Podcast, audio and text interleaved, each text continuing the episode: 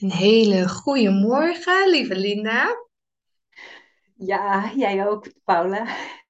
Heel fijn Ja. dat je voor de tweede keer met mij in gesprek wilde. Wij hebben al eens eerder een podcast opgenomen, maar dat is echt al een tijd geleden. En ik weet nog dat jij dat zo spannend vond.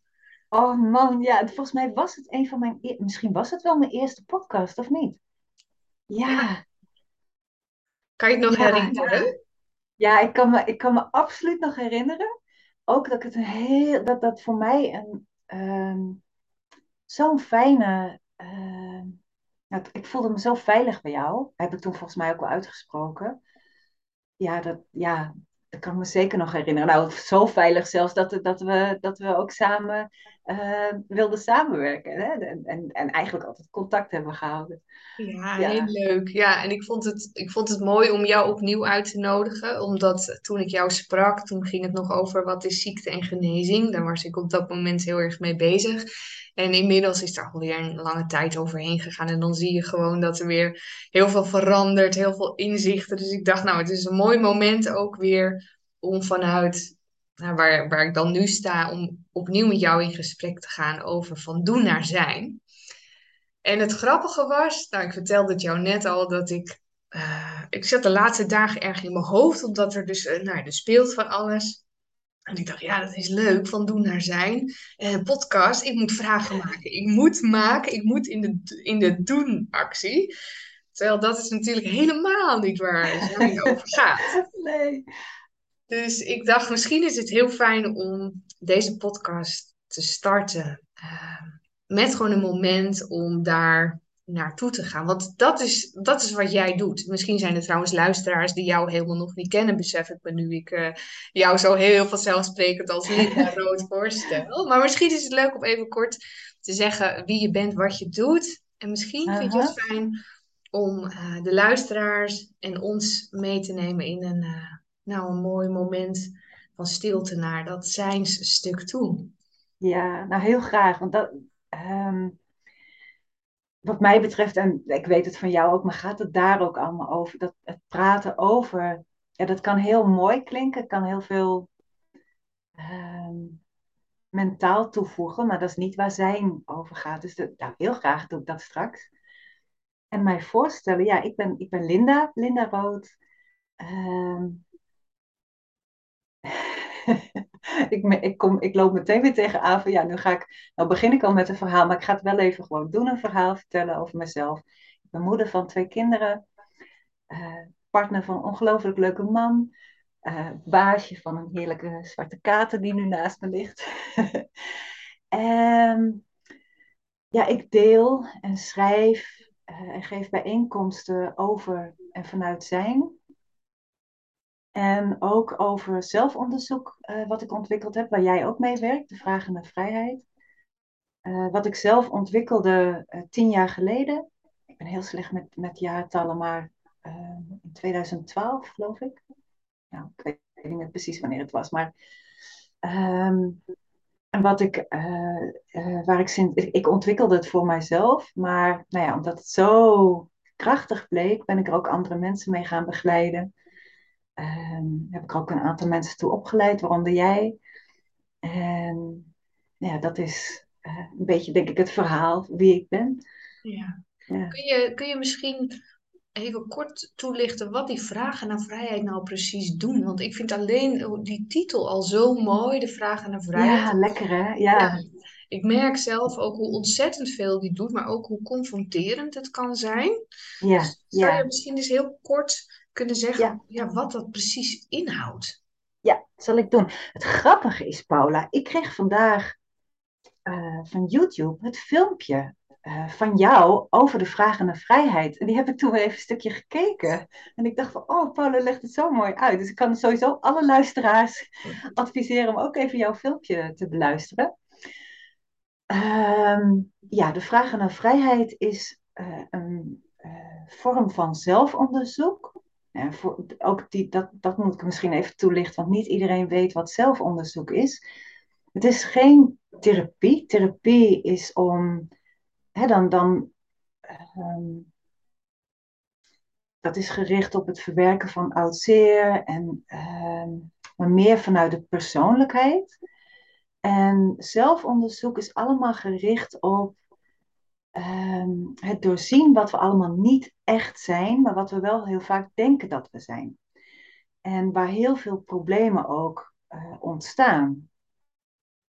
Ik, ik, ga, ik ga even kijken hoe ik dit zo, zo. Want ik, leg het, ik vertel het eigenlijk bijna nooit, omdat de meeste mensen mijn boeken hebben gelezen als ik ze ontmoet. Um, hoe kan ik het zo, zo helder mogelijk uitleggen? We zitten eigenlijk allemaal vol met kernovertuigingen. Elk mens heeft er een heleboel en ieder heeft zo ook wel een aantal dezelfde kernovertuigingen, zoals ik ben het niet waard, ik ben niet goed genoeg. Dat zijn van die kernovertuigingen die heel veel mensen hebben. En wanneer, je, wanneer dat je uh, de bodem is van waaruit je leest, leeft en waarop je staat, dan is dat ja, het is ten eerste heel wankel en het is heel beperkt. Want je bent natuurlijk, je bent het hartstikke waard. Uh, maar zolang je diep van binnen nog gelooft dat je het niet waard bent, blijf je in die overlevingsstand en in de automatische piloot zitten. En ieder heeft zo zijn eigen unieke manier om zich staande te houden, om zich daartoe te verhouden. Uh, ieder heeft ook zijn eigen trauma's uh, die daarmee verbonden zijn. En wat ik mijn hele leven lang zocht was, ik was therapeut en maatschappelijk werkster. En ik zocht mijn hele leven lang naar een methode, een therapievorm om daar heling in te brengen. En ik heb heel veel geprobeerd, gestalttherapie, lichaamswerk, EMDR, familieopstellingen, nou ook energiewerk. En het was heel mooi, maar het, um, het bracht niet de bevrijding uh, waarvan ik wist dat het, dat het mogelijk moest zijn. Maar ik had het, nou ja, dus ik zocht dat. Nou, uiteindelijk ontdekte ik dus het zelfonderzoek Vragen naar Vrijheid. En dat is dus een methode om op een hele eenvoudige manier rechtstreeks naar die kernovertuigingen te gaan.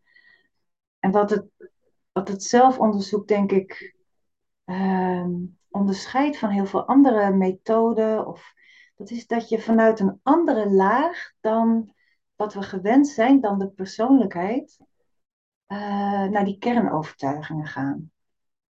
Dus, uh, en die andere laag is wat we werkelijk zijn. Nou, jij legt dat heel, heel mooi uit in het filmpje, dat door middel van een korte meditatie, en jij doet dan ook energiewerk, uh, kun je mensen begeleiden naar wie ze werkelijk zijn, zodat ze van daaruit het zelfonderzoek kunnen toepassen. Ik ben bang dat ik het niet gek veel beter kan uitleggen dan dit. En ik besef me dat het nog steeds heel vaag is, terwijl het heel simpel en eenvoudig is. Ja, volgens mij kun je het beste hiervoor mijn boeken lezen. Daarin leg ik het wat beter uit. maar in ieder geval, als ik denk, als je het zo samenvat, dat het dus inzicht geeft in de kernovertuigingen die mensen bewust of onbewust hebben opgeslagen en waar ze dan vrij van kunnen komen. Ja, ja doordat ze het vanuit een, een andere laag dan de persoonlijkheid doorzien. Dus je ziet vanuit wie je werkelijk bent, doorzie je de laag van de persoonlijkheid. Waardoor je er dwars doorheen kijkt, waardoor het ook onmogelijk is om het te blijven geloven, omdat je, uh, je kijkt als het ware met ogen van onvoorwaardelijke liefde, dwars door alle verhalen heen. En vanuit onvoorwaardelijke liefde is het ook volkomen helder dat al die overtuigingen niet waar zijn. Um, maar als je dit dus bekijkt vanuit de persoonlijkheid, dan blijf je heen en weer jojo. En dan krijg je zo'n dialoog. Ja, natuurlijk ben ik het wel waard. Nee, je bent het niet waard. Jawel hoor, kijk maar. En dan op die laag is er geen, um, geen uitweg. De boeddhisten noemen dit samsara. Dat is die cirkel waarin we dan gevangen zitten. De cirkel van lijden. En we proberen vaak van alles om vanuit die cirkel van lijden een oplossing te vinden. Dus dan volgen we therapie. Uh, we gaan naar uh, nou wat we allemaal wel niet doen om heling te vinden. En wat we vaak merken is dan ook na 10, 20 jaar zitten we nog steeds in diezelfde cirkel. En dan is, nou ja, de God, we kunnen dan ehm, de gevangenis misschien wat, wat opleuken. Ik noem het nu even gevangenis, maar zo voelt het ook eigenlijk wel. Het voelt als een te krappe jas, als nauw, als beperkt, als kleiner maken dan we echt zijn. En dat, dat klopt ook, want we zijn dus onmetelijk. En, en vanuit dus dat zijns, uh, onze zijnslaag, ja, als we van daaruit door de overtuigingen heen kijken, kan er heling plaatsvinden. Ja, mooi hoe je dat zegt. Denk je ook, Linda, dat, of misschien heb je dat ook ervaren, dat hè, de zijnslaag is een totaal andere laag dan de laag van de persoonlijkheid. En wat jij noemt, Ja, die ja, gevangenis, die dus in dat mentale bewustzijn kan ontstaan. En dat zie je heel vaak ook in de vorm van affirmaties. Dus wat jij eigenlijk noemt, ik ben, ben ja, het niet waard, je bent het wel waard. Dan moet je dan honderd keer tegen jezelf zeggen. En dan wordt de ja, gevangenis ja, wat leuker. Maar je zit eigenlijk nog steeds ja. vast in dat mentale bewustzijn. Als Ja, mensen want zodra je daarmee stopt, ja, dan, dan komt de gevangenis weer terug. Ja, dus je zit er nog steeds. ja, ja. Ehm, maar ehm, wat is er volgens jou voor nodig om in die zijnslaag te komen? Want ik, ik zit even, ik neem altijd voorbeelden in mijn gedachten van mensen die ik dan voor mij zie, die zichzelf, en ik zit daar zelf ook regelmatig nog in, in de gevangenis van het mentale bewustzijn. En wat is er voor nodig om in die zijnslaag te, te kunnen zakken? Ja, ja. ehm, het bijzondere is, die zijnslaag is er natuurlijk altijd. Eh, of we het ons nu wel of niet bewust zijn. Dus ehm, alleen al dat, dat mentaal weten, dus ook al, dan ben je er natuurlijk nog niet. Maar het helpt wel de realisatie dat het zijn is er. Het is ons, het is continu onze ervaring, zelfs als we helemaal opgaan in die mentale laag of in de emotielaag of in de fysieke laag. Dat zijn is er altijd. En wat het eigenlijk vraagt is een, is een shift. Maar ik, ik, hij is heel eenvoudig. Iedereen kan hem ook maken. Um, en tegelijkertijd is het natuurlijk bedriegelijk eenvoudig, want anders zou iedereen dat wel gewend zijn om te doen. Um, en het is relatief iets wat weinigen, um, wat weinigen doen, die shift maken. Dus wat is er voor nodig? Dat is uh, opmerken wat er altijd is, namelijk jij die nu deze woorden hoort.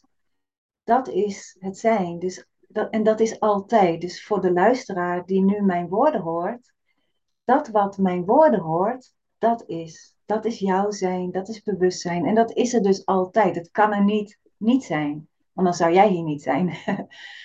um, alleen er is dus een verschil tussen, dus je, je hoort mijn woorden en dat is jouw zijn. Maar wat we vaak gewend zijn, is om die woorden te horen via het filter van ons denken. Dus dan gaan we wat vinden over wat we horen. We proberen het te begrijpen. En dan horen we als het ware mijn woorden via het denken. Dat is hoe we het gewend zijn. Maar ook daar ben jij je bewust van. Ook dat vindt plaats in jouw zijn.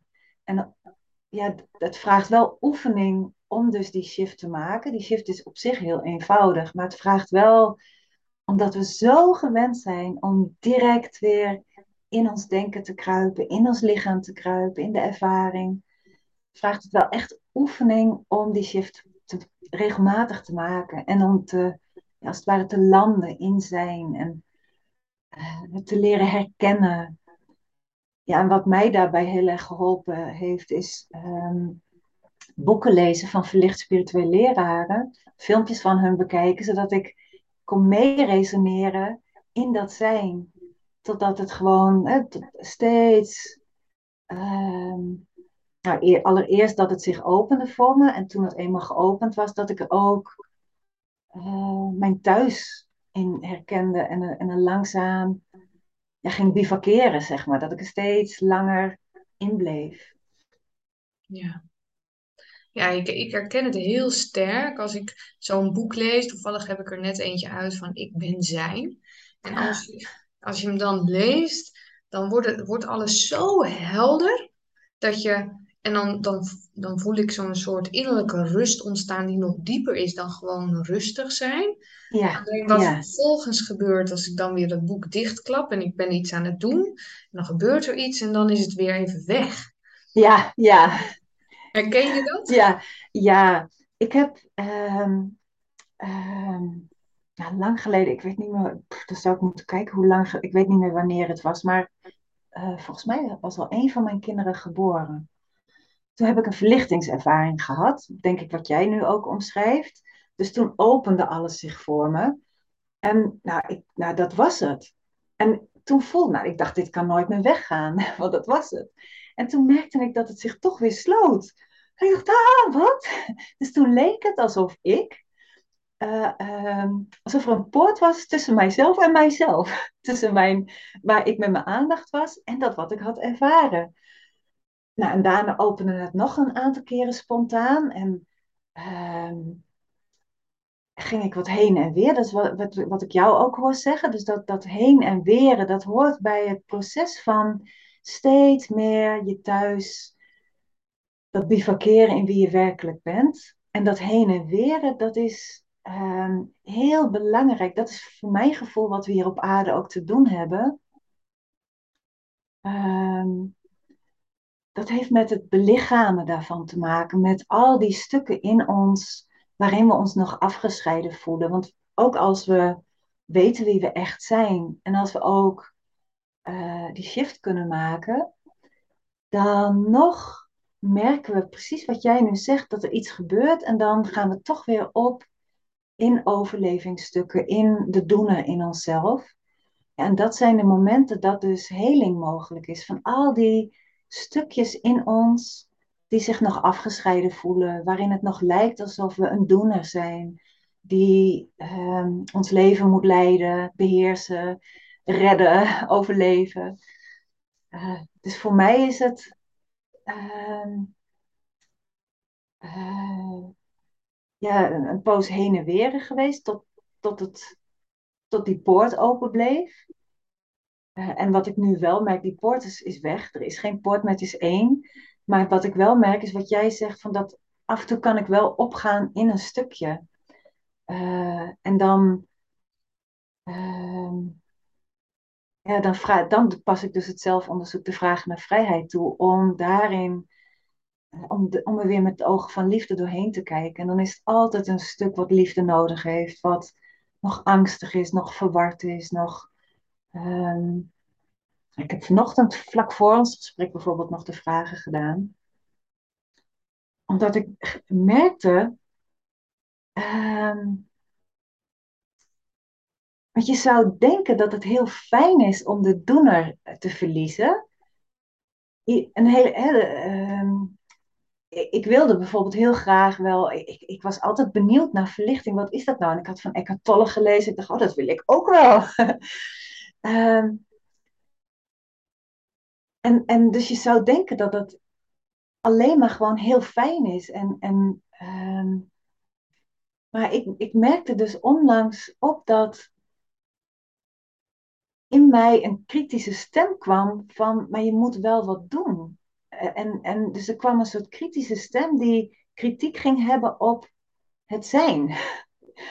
Nou ja, dus die heb ik vanochtend voor ons gesprek heb ik de vraag opgedaan. Want ik dacht van, goh, nou, dit is toch wel interessant. Dat ik, ja, dat... dat ik denk uh, wel, Linde, dat het een van de, uh, de dingen is die heel vaak gedacht ook wordt. Van als je alleen maar, uh, ja, hoe zeg je dat, aan het zijn bent, dan -huh. heb je geen doelen meer, dan doe je niks meer, dan word je passief. Maar jij zegt dus eigenlijk dat, ja, hoe, hoe is, wat kwam er bij jou naar boven als overtuiging dan? Als je dat wilt delen trouwens, misschien wil je ja, dat. Hoor. Oh ja, nee, volgens mij, ah, ja, in, mijn, ik, in, mijn, in mijn boeken ben ik ook helemaal met de billen bloot gegaan, dus vind ik helemaal niet erg. de eerste, de, de bovenste overtuiging was, ik mag niet gewoon zijn, ik mag niet zijn. Dat was uh, grappig genoeg ook de onderste overtuiging. Dus dat was de bovenste en het was de, de onderste. Uh, de overtuiging die daaronder lag was, ik moet iets doen. Ik moet iets anders doen. Dus iets anders dan wat er is. En daarmee verlaat ik natuurlijk, als ik dat ga volgen, verlaat ik de isheid en voeg ik die extra laag van de gevangenis toe, uh, van de persoonlijkheid. Uh, als ik niets doe, verlies ik grip en red ik het niet, ga ik dood. En de onderste was dus, was dus opnieuw, ik mag niet zijn. Um, Dus dit was heel, heel duidelijk nog een stuk doener in mij, een stuk ego in mij. Hoewel ego klinkt altijd heel negatief. Het is gewoon het stuk in ons wat probeert om ons te redden. En wat natuurlijk, sommige mensen noemen het ook wel het kleine, kleine kindje in jezelf. Die vind ik ook heel fijn uh, om het zo te zien. Um, ja, en, en wat jij zei over inderdaad, dit is, ik hoor dit ook regelmatig, dat mensen daar heel bang voor zijn. Van ja, als ik, als ik, uh, als ik toegeef aan, aan, uh, aan zijn, dan doe ik niks meer. Dat kan een fase zijn. Het gebeurt heel soms dat mensen inderdaad daarin terechtkomen, dat ze een poosje echt helemaal niks doen. Hoewel dat volgens mij veel minder vaak voorkomt dan waar mensen bang voor zijn. Um, want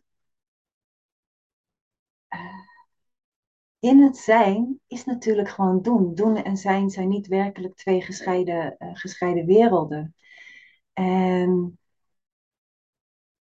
uh, ik denk dat het dezelfde angst is trouwens, van wat ik nu heb onderzocht en waar die mensen bang voor zijn. Um, Ja, want stel nou hè, dat je bijvoorbeeld in een hele moeilijke situatie zit. In een moeilijke ja, thuissituatie. En, en dan kan dat denken, dat kan natuurlijk de overhand, die gaat denken dat hij een beslissing moet nemen. Ik moet nu kiezen, ik moet of rechtsaf of linksaf. ja, ja, wat gaat er gebeuren in de toekomst als ik nu geen keuze maak? Dus soms zit je in een situatie die, die niet prettig voelt op dat moment. Dus dan is het mooi om de vragen naar vrijheid te onderzoeken van wat, wat geloof ik nog over de situatie, maar vanuit het, ja, vanuit het zijn, tenminste dat is mijn eigen ervaring, als ik daar echt in kan zakken, dan voel ik vaak een hele diepe stilte en dan is er opeens geen probleem meer. Maar er, dus, dus je ervaart het op dat moment anders, maar als ik dan bijvoorbeeld de dag daarna weer wakker word en dan is de situatie weer zo, dan, dan kan het dus weer zijn dat, dat dat hoofd naar boven komt. En dan denk ik, je moet, wat wil je hier nou mee? En dat is dan wat je ja, vaak ziet. Welke doelen ga je, visualiseer hoe je jezelf over tien jaar ziet. Maar vanuit dat zijnsstuk ervaar ik dat niet. Dus dat is een hele precies. andere manier van leven. Ja, totaal anders. En, en dat is precies, ehm, in die zin heb ik inderdaad dus ook geen doelen. En daar kan mijn hoofd dus echt wel af en toe, vooral als ik dan zie hoe andere mensen wel doelen hebben. Ehm, dus dat heeft denk ik ook te maken met dat ik, eh, dat ik vandaag dit, dit, dit heb onderzocht, dat ik eh, daar kritiek op had, dat ik dus inderdaad geen doelen heb, dat ik, ehm, ja, dat het dus afwezig is. Voor wat betreft die, die situaties, als je helemaal in het zijn, lost het zich altijd op. Komt altijd de juiste handeling naar boven. Dat Ehm, vind ik mooi dat je dat zegt, dat er vanuit het zijnstuk dus vaak een handeling wel naar boven ja, komt, waarin je precies weet wat je moet doen. En dat is denk ik wat mensen dan, die, die denken van, Ja, oh, als ik in zijn ben, dan ben ik een soort passieve rust of zo, doet die niks gewoon, meer. Zit, ik, ja, zit je op een, op een berg in de, in, in een lotushouding? Ja, precies. En ja, dat, dit is een, een ehm, dit is dus hoe ons denken, en dat is zo logisch, die bang is om de grip uit handen te geven. Eh, uit angst dat er dan helemaal niks meer gebeurt. En dit is natuurlijk puur die overlevings.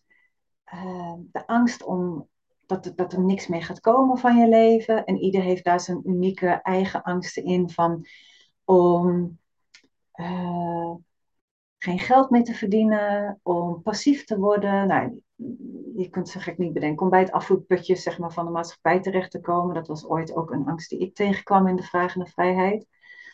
Um, maar in zijn lost het zich altijd op. Er is altijd, het, het is alles behalve passief. Alleen het is wel in dit moment. Dus je loopt niet tien stappen vooruit.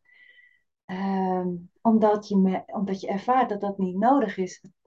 Um, wat niet betekent dat je niet meer een agenda hebt en niet meer gewoon dingen plant. Dat is iets anders. Maar je, je gaat je niet meer vanuit zorgen, vanuit die extra laag, die extra toevoeging van zorgen maken, piekeren. Uh, dus niet meer vanuit dat overleven hoef je niet meer tien stappen vooruit te lopen. In dit zijn is alles al inclusief de stap die je nu kan maken. En die is vaak heel eenvoudig. En, die, en dat, dat gebeurt vaak ook al. En, en ja, daar zit een, een rust in, een overgave, uh, vertrouwen. Ja, vooral die, ja, die zijn zo essentieel. Nou, Ja. ik was ehm, afgelopen maandag was ik in Groningen en, en ehm, ik liep daar in de stad, want mijn dochter die eh, was daar met een vriendinnetje en ik moest de tijd doorbrengen, dus ik liep door de stad. En wat ik zelf ontzettend moeilijk vind, is ik loop in Groningen. Eh, dan heb ik daar een hele grote winkelstraat waarin mensen aan het kopen zijn. En dan zie, je, zie ik mensen met allemaal tassen lopen. Daar heb ik allerlei meningen over. Vervolgens liep ik een straatje door en toen kwam ik in een soort prostitutie eh, stuk terecht. En daar heb ik ook allerlei oordelen over. Toen liep ik echt in een straat met allemaal eetentjes waar iedereen zat te eten. En vervolgens naast een, een hypermodern gebouw met allemaal hoge standjes van ICT, et cetera. En daarnaast zat de, de nachtopvang voor daklozen. Dus ik, ik zat daar op een gegeven moment op een terras. En dan weet ik gewoon even niet wat ik met mezelf aan moet. Omdat dat, ik vind dat dan zoveel wat ik dan zie. En dan ook voel. Dus dan, dan dat doet altijd heel veel. Maar dan, dan denk ik altijd van, het, het- dan zie je eigenlijk gewoon alles. De hele wereld in zijn totaliteit. En toen vroeg ik mezelf dus af van, kan ik hier dus gewoon in zijn? Want dat vraagt dus inderdaad overgave aan mhm, alles dat er is. Maar er zit zoveel weerstand bij mij op, want mijn hoofd dat zegt van. En we moeten stoppen met overconsumptie. De allemaal, en die, die, dat kan toch niet dat je daar nog zo'n buurt hebt waar gewoon vrouwen staan. Nou echt, dan, dan is het één grote kerst in mijn hoofd. ja, oh, En, en dat, ik vind dat, dus hoe, hoe kan je daar dan in zijn? Dat, dat, ik vind dat echt heel, heel, heel moeilijk. En dan krijg ik een soort enorm verdrietig gevoel in mijn, in mijn lichaam gewoon over het leven in zijn totaliteit. Dat het dan, en dan het liefst trek ik me gewoon terug. Gewoon in een soort, dan rijd ik naar huis en dan rijd ik over die velden in de natuur en dan voel ik weer een beetje rust. Maar ja, dat kan ook. Ik ja, kan ook niet ervan vluchten. Dus hoe, hoe ga je daarmee om? Dat is, ik vind dat een heel moeilijk stukje binnen mezelf. En ik geloof dat veel mensen dat zullen herkennen. Ook als je gevoelig bent, dat je zoveel opvangt, ja, ja, ziet en die dualiteit ten top gewoon. ja. Ja, en hoe vermoeiend dus, hoe ongelooflijk vermoeiend. Ja, Vooral ja, dat ook. ja, dat kan, ja. Ehm, ja, ja, ik moet heel eerlijk zeggen dat ik, dat ik bijna niet in de... Ik woon in Groningen, maar ik kom bijna niet in de stad omdat ik heel snel overprikkeld raak. Ik dus ook. Ehm, ja, dus dat, dat is... ehm, ehm, ja, dit is wel een belangrijke. Vanuit, vanuit zeg maar de doener zou ik kunnen vinden dat ik in de stad het moet kunnen trekken. En vaak zijn er verschillende... verschillende patronen tegelijkertijd aan het werk. Hoor ik ook in wat jij vertelde, dat er allerlei dingen getriggerd worden en actief worden. Ehm, dus hoe, wat ik zelf altijd doe, is beginnen met wat er, wat er, wat er is. Dus het, het meest, ehm, dat heeft te maken met het ja en nee gevoel. Als ik een nee gevoel heb, luister, dan, dan weet ik, oh, weet je, oké, hier moet ik naar luisteren. Waar dat nee-gevoel ook mee te maken heeft. Of dat nou het ego is, of dat het vanuit zijn een gezonde grens is. Maakt mij echt totaal niet uit. Het is een nee-gevoel. Hmm. Dus bij de stad is het gewoon nee. Ik 9 van 10 ook. keer, hè? Ja, ja. Dus eh, eh, nou, daar, daar luister ik dan zeg maar naar. Maar eh, als het leven van mij vraagt om daar wel te zijn, ehm, En wanneer vraagt het leven dat dan van jou? Want zoals nu vroeg mijn dochter, dus die wilde daar heel graag heen. Ik voel eigenlijk een, een innerlijker nee, dus ik wil daar helemaal niet zijn, want ik weet wat het met me doet. Maar dan ja, toch vanuit de overtuiging, ik ben, ik moet een ja, goede moeder zijn, dus ik doe dat voor haar. Ga ik dus weg bij mezelf.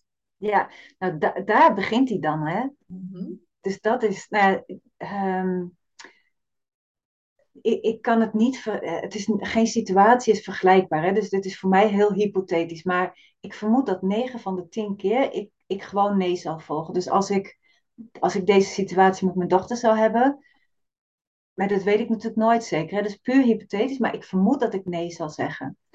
Uh, en dat is dan gewoon een kostenbaten iets ook. Hè? Van, van als de ja groter is, dus als ik voel dat het echt belangrijk voor mijn dochter is, ja, dan is de ja, is de ja groter dan de nee. En dan, en dan doe ik het wel. Uh, maar dan doe ik het wel op een manier dat het voor mij uh, oké is. Um, dus waar ik kan, respecteer ik een nee.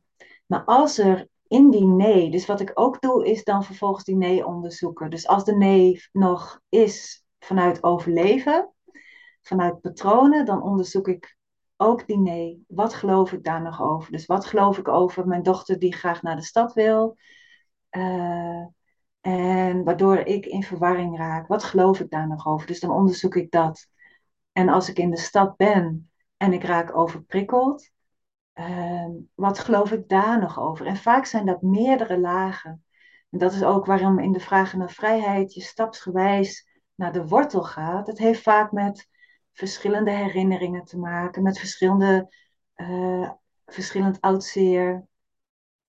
Uh, maar ook dus verschillende patronen die er allemaal mee te maken hebben.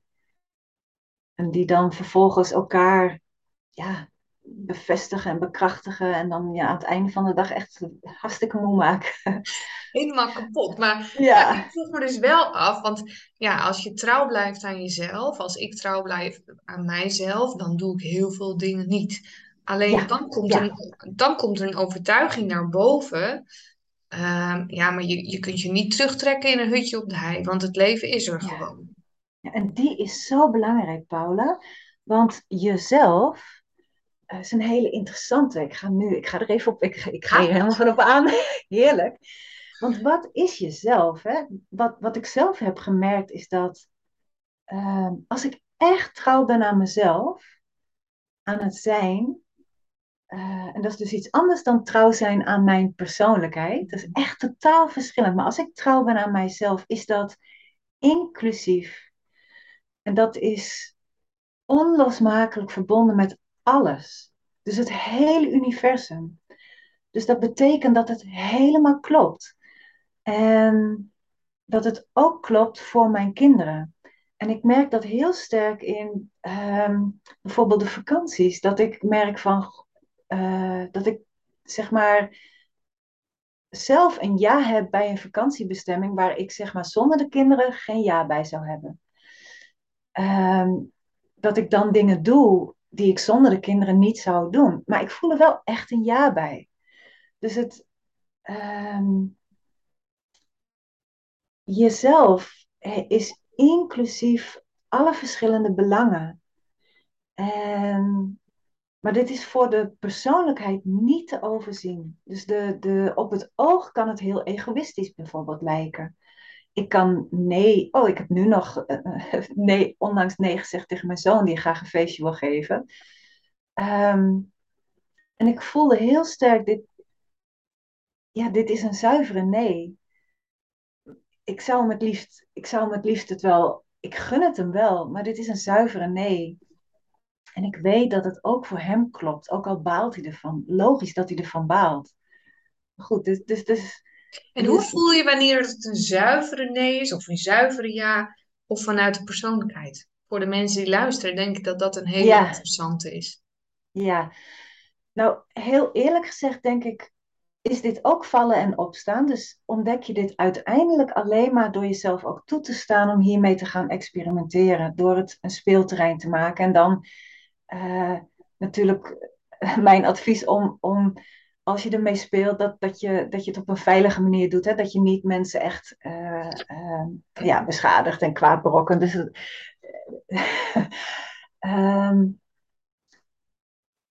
een, uh, voor mij is een zuivere nee is vrij. Dus er zitten geen haakjes aan. Dus het, voor mij is het dan ook, ehm, er kleeft niets aan. Hij is gewoon helder, zuiver. En als er nog wel iets aan kleeft, weet ik, ik heb zelf onderzoek te doen. Dan geloof ik iets wat, wat, het, ehm, wat zorgt voor verwarring. Uh, en dan is het juist lastig, dan, dan, hè, dan, maar dat voel je ook in je lichaam. Dan is er ergens spanning voelbaar. Uh, en als het niet in je lichaam voelbaar is, dan is het er wel van buiten zichtbaar. Want um, wat ik net zei hè, over jezelf, jezelf dat is onlosmakelijk alles, binnen en buiten. Dus als je bijvoorbeeld veel conflicten meemaakt naar aanleiding van een keuze die je maakt, dan ja, kun je bijna wel, dan, dat, dat is een soort van alarmbel die gaat drinken van nou klopt het wel echt. Want zo binnen, zo buiten. Uh, dus mijn, zeg maar voor mij een check uh, of het een zuivere ja en nee is, dat is hoe is het in mij, maar ook wel uh, hoe, wat zie ik als spiegel. Ja, zo mooie. Ja, en, en tegelijkertijd daarbij. Um, want het kan natuurlijk gebeuren dat het leven je iets spiegelt, wat een, wat, wat een uitdaging is. Um, en wat niet per se iets zegt over die zuivere ja of nee. Dan heeft het weer met iets anders te maken. Bijvoorbeeld juist met dat er in jezelf nog een patroon zit met, hè, stel voor dat mijn zoon hier op zou reageren met in opstand komen, kan het ook zijn uh, dat, het, dat er in mij nog iets zit van, oh ik ben egoïstisch als ik dit, hè, dus dan spiegelt het gewoon een ander patroon. Oh, die herken ik heel sterk. Dat ik denk is... dat er meer, ja, ja, ja, ja, ja. Ja, ben jij dan, Linne, zoals je het beschrijft, dan de hele dag, of tenminste een groot deel van de dag, bezig met zelfonderzoek? Nee, nee, nee. Maar, nou ja, maar, maar soms wel. Nou ja, uh, um... Want dan ben je niet aan het zijn, dat bedoel ik eigenlijk. Ja, nee, dat klopt. Nee, met zelf. Nou ja, um... dus in het begin de was denk ik dat ik vrij veel bezig was met zelfonderzoek. En dat had ook te maken dat na die verlichtingservaringen, ik merkte dat het, dat, dat, dat het weer was alsof de poort zich sloot voor mijn werkelijke zijn. Uh, en ik, ik, was maar, ik was heel gemotiveerd om die poort uh, te leren doorzien. Dus toen heb ik heel vaak de vragen naar vrijheid gedaan. Maar alleen als het leven, zeg maar, verkramping en vernauwing geeft. Omdat vanuit ik, ik weet dat vanuit de persoonlijkheid, dat sleutelen aan, je, aan jezelf, uh, is gewoon ook een mega valkuil. Om, en dan wordt zelfonderzoek in plaats van uh, je te helpen bevrijden van de gevangenis, wordt het juist deel van de gevangenis. Dus die. Uh, ja, daarom ik, ik adviseer bijna iedereen die met de vraag naar vrijheid bezig gaat, doet in het begin niet vaker dan eens in de drie weken.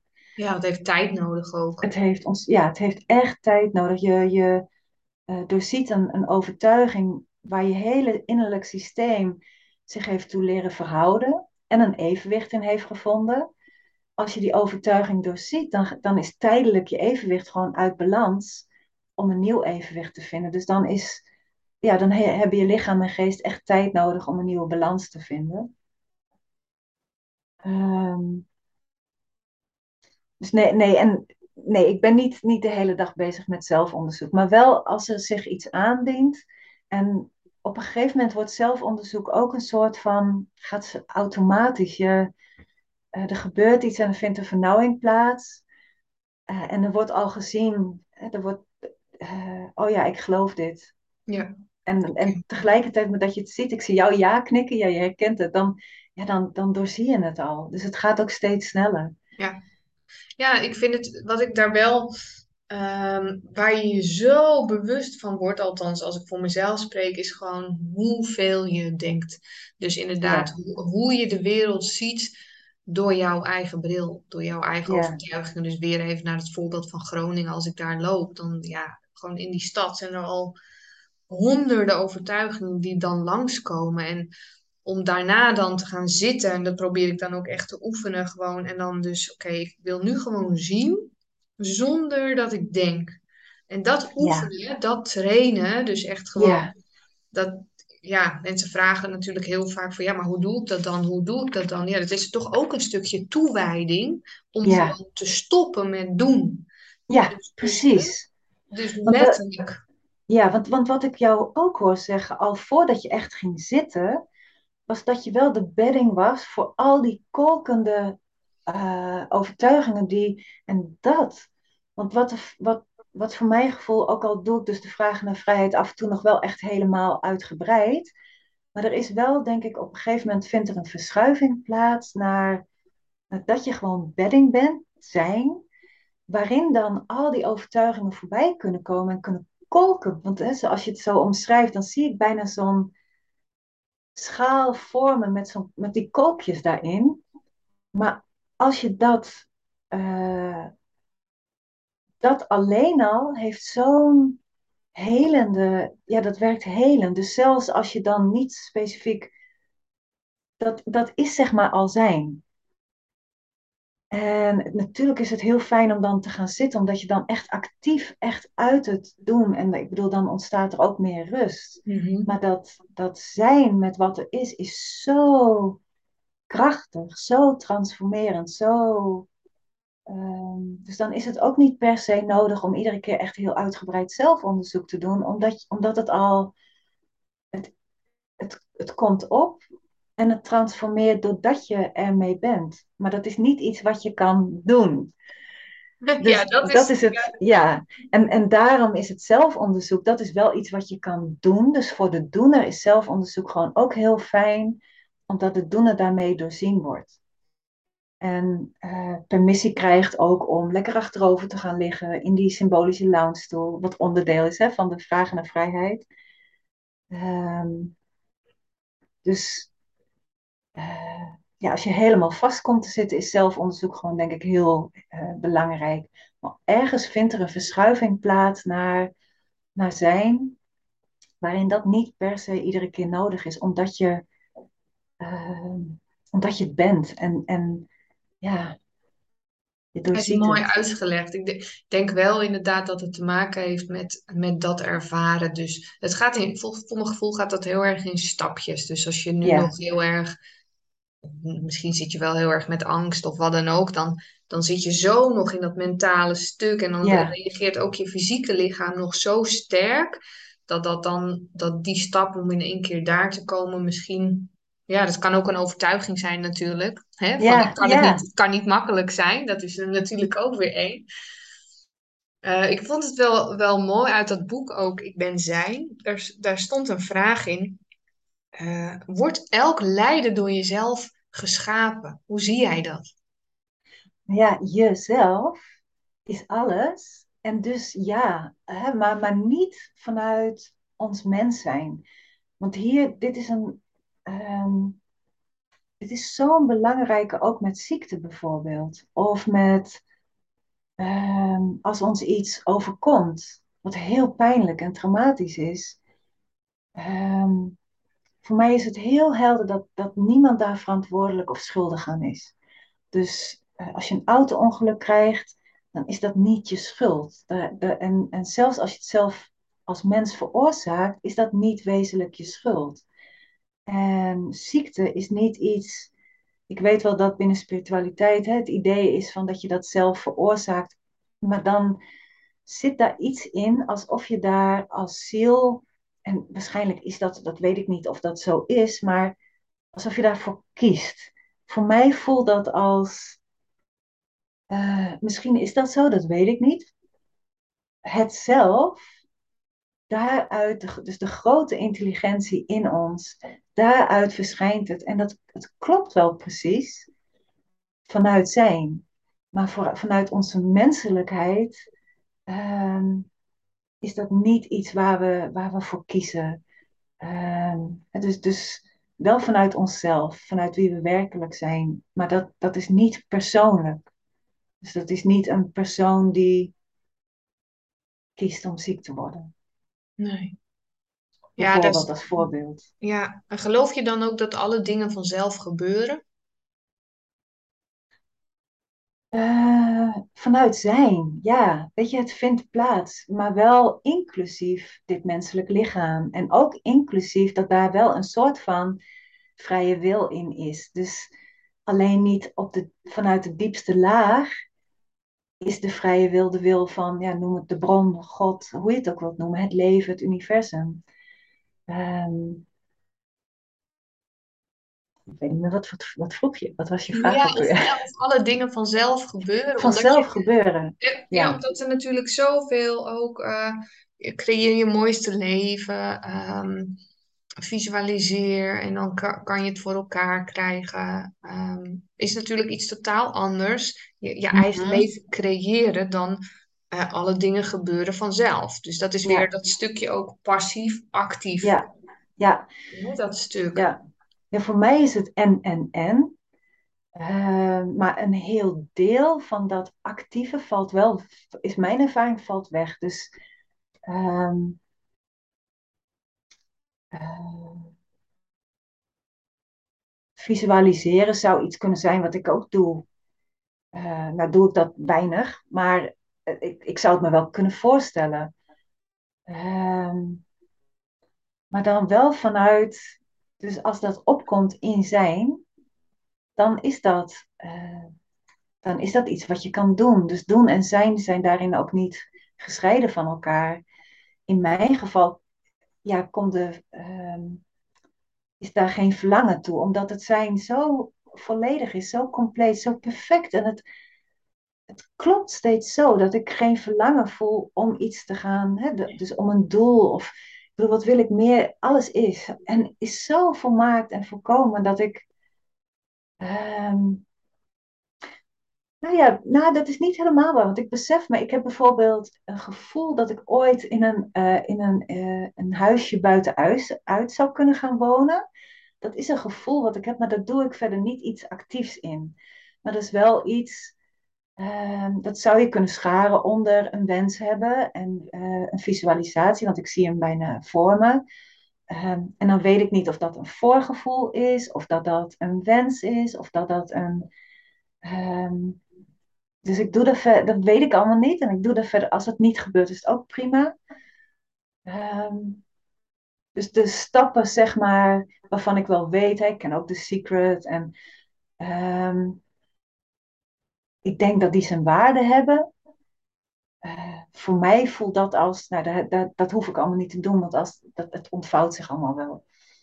Ja, dat, nou, het is het grote verschil denk ik, is dat, ehm, dat het heel vaak vanuit de persoonlijkheid gedaan wordt. Dus als je nog niet bewust bent waarom je bijvoorbeeld iets wilt, heel graag, stel dat dat een droomvilla is of ik weet het niet, en stel dat het ermee te maken heeft dat je zonder die droomvilla jou, jezelf nog niet helemaal compleet kunt voelen, dan is het vanuit de persoonlijkheid, wil ja, je, wil je dan iets. Terwijl als je het vanuit dat zijnsstuk doet, wat jij zegt, dat is inclusief alles, dus inclusief ook ja, de hele, de hele, ja, I don't know, de wereld of, of hoe je dat dan ook ziet.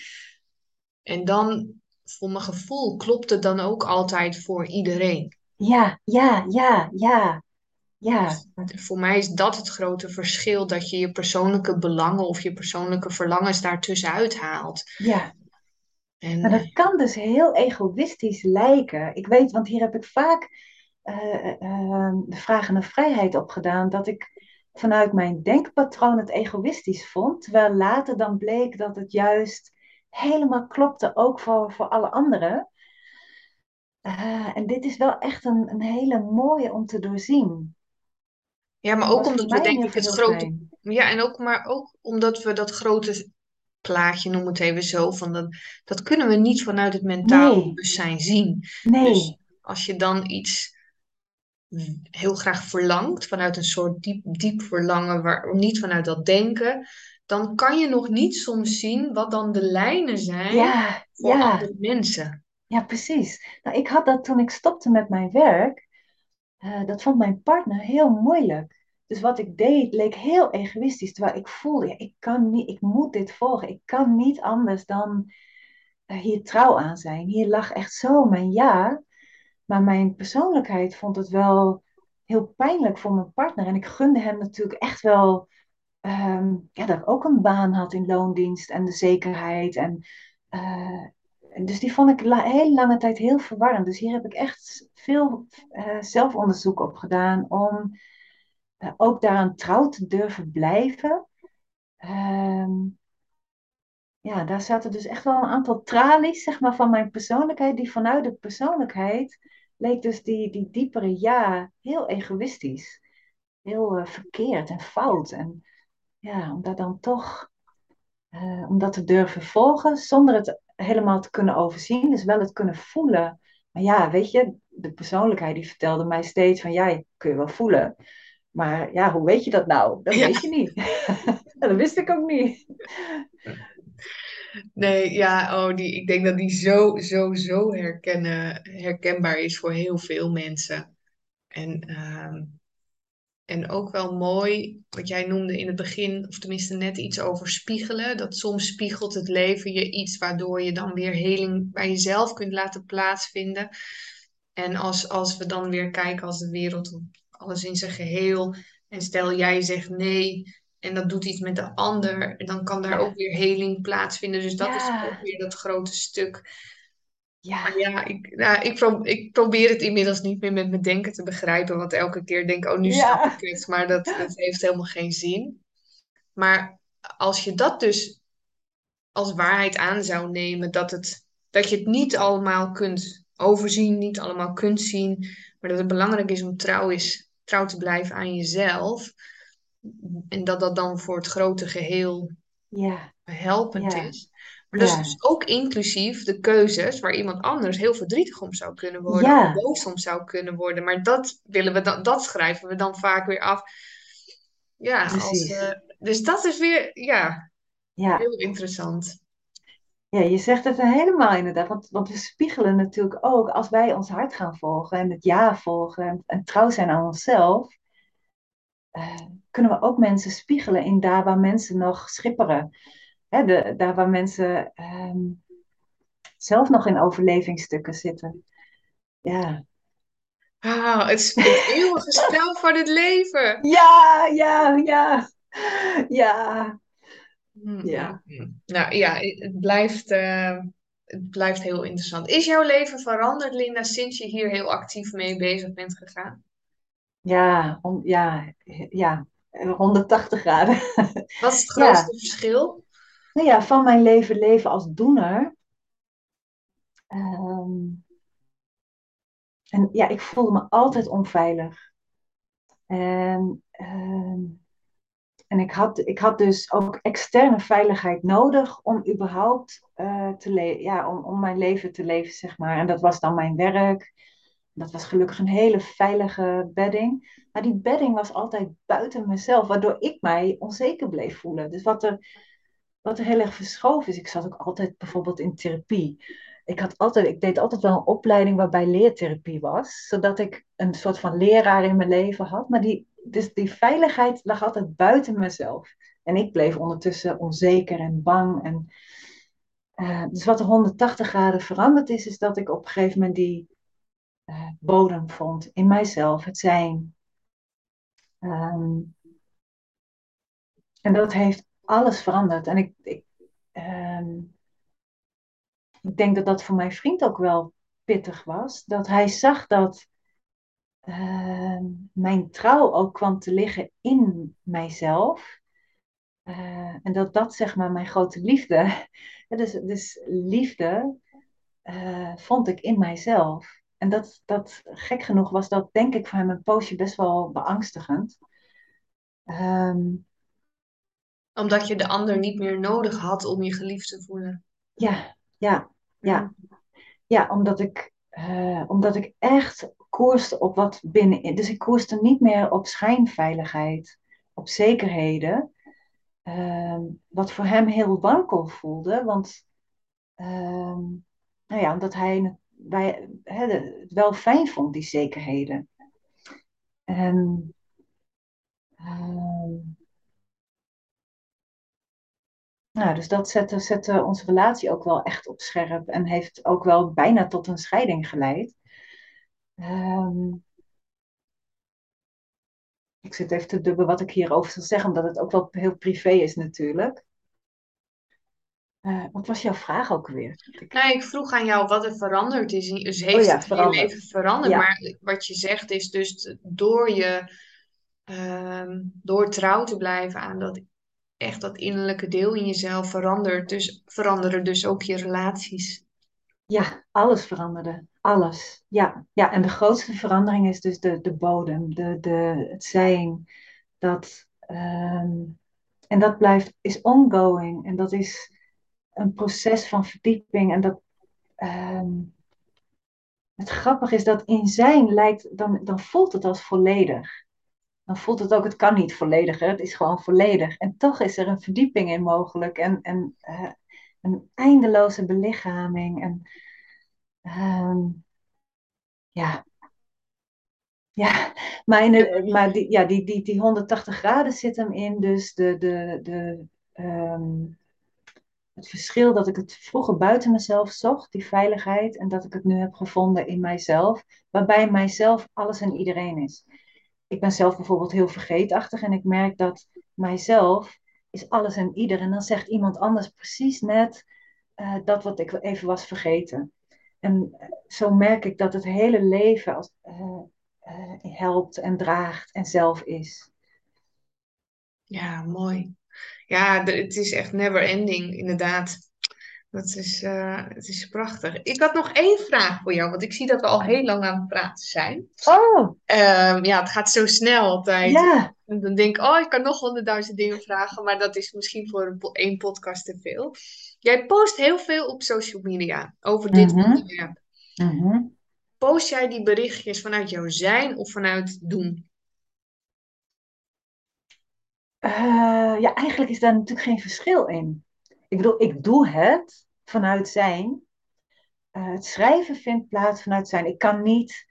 Het is heel erg voelbaar. Als ik schrijf vanuit doen, ja, dan, dan eh, gooi ik ze weg. Want dan heb ik zelf onderzoek nodig. Dan weet ik van, er klopt iets niet. Is wel eens gebeurd met een thema wat mij heel erg raakte.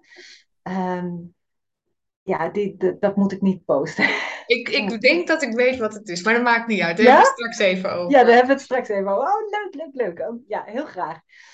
Ehm, dus dat, dat eh, ja, en meeste, me- ja, weet je, dat is voelbaar, want dan, dan zit de lading bij, bij mij bij.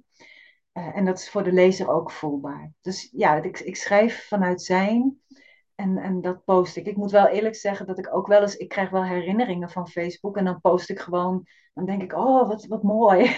Dus dan raak ik zelf weer geïnspireerd en dan post ik die. Dus het zijn niet altijd tekstjes die ik vandaag eh, schrijf. Nee, want het Maar- zijn er heel veel. Jij post heel veel. Ja, ja, maar dat komt dus ook omdat ik dan. Facebook die geeft gewoon iedere dag allemaal herinneringen. Dat is heel fijn. Dus het gebeurt wel eens dat ik dan denk van, oh, als, als hij mij bezielt en inspireert, dan deel ik het vaak. Ehm, dan ga ik ervan uit dat het ook andere mensen eh, zal inspireren. Ja, nou, het inspireert mij altijd. Ik lees je teksten heel graag. En het zijn altijd weer van die mooie reminders. Of als je dat weer even vergeten bent. Dus als mensen jou nog niet volgen, nou, dat is een aanrader om te doen. Linda Rood volgens mij gewoon op eh, Insta en op LinkedIn ben je heel actief. Facebook. Ja, Ehm, als laatste, ik, nou, dus ik vind het weer heel bijzonder ook, omdat ik dan leuk bedacht had van tevoren, we gaan starten met de meditatie om te zijn te komen. En vervolgens is het gewoon een heel gesprek, maar dat is dan wat er ontstaat. Dus het is lekker als daar geen oordeel over hoeft te zijn. Ehm, wat voor tips zou je willen geven eh, aan de mensen die geïnteresseerd zijn in dit onderwerp, eh, om, om, om vandaag al te kunnen doen vanuit zijn? ja. Ja, nou, dat- dat is wel. ehm, dat is die shift. De shift maken van doen naar zijn. Dus om, want, want ehm, dit kan voeding voor de ziel zijn, hè, dit gesprek. En eh, ik denk dat het ook het zijn kan raken. En natuurlijk sowieso in essentie hoor je dit altijd vanuit zijn. Ehm, maar ik zou eigenlijk iedereen willen, willen eh, tippen en adviseren om die shift te maken. En nou ja, op YouTube vind je wel begeleide meditaties van mij, waar, waar, ik, dat, waar ik daar ook stapsgewijs in, in begeleid. En je kunt het lezen in mijn boeken, waarin ik ook die shift stapsgewijs eh, begeleid. Maar dat is echt iets. eh, dat is, eigenlijk gaat het, gaat het, wat mij betreft, daar, daar ontstaat alles uit. Dus als je die shift leert maken en gedurende de dag. Dit is ook het fijne, is dat je hem in een split second kan maken. Als je voor de kassa staat, op de fiets zit. als je er eenmaal een, een, de feeling mee krijgt en het wat vaker hebt gedaan, dan, dan wordt het steeds gemakkelijker. En ehm, ja, die zou ik heel graag willen meegeven. Oké. Enorm bedankt voor je inspirerende woorden, je uitleg, je helderheid. En ik hoop dat veel mensen eh, er iets uit kunnen halen. En uh, dat nog meer mensen de weg vinden naar zijn die er natuurlijk al is, maar daar uh, meer en meer mee bekend raken. Ja, dat hoop ik ook. Ja, en fijn dat, dat, dat jij mij dit podium geeft, Paula. Heel graag gedaan. Hoe het tot stand komt, kwam. Heel fijn, ja. Mooi. Dankjewel. Dankjewel.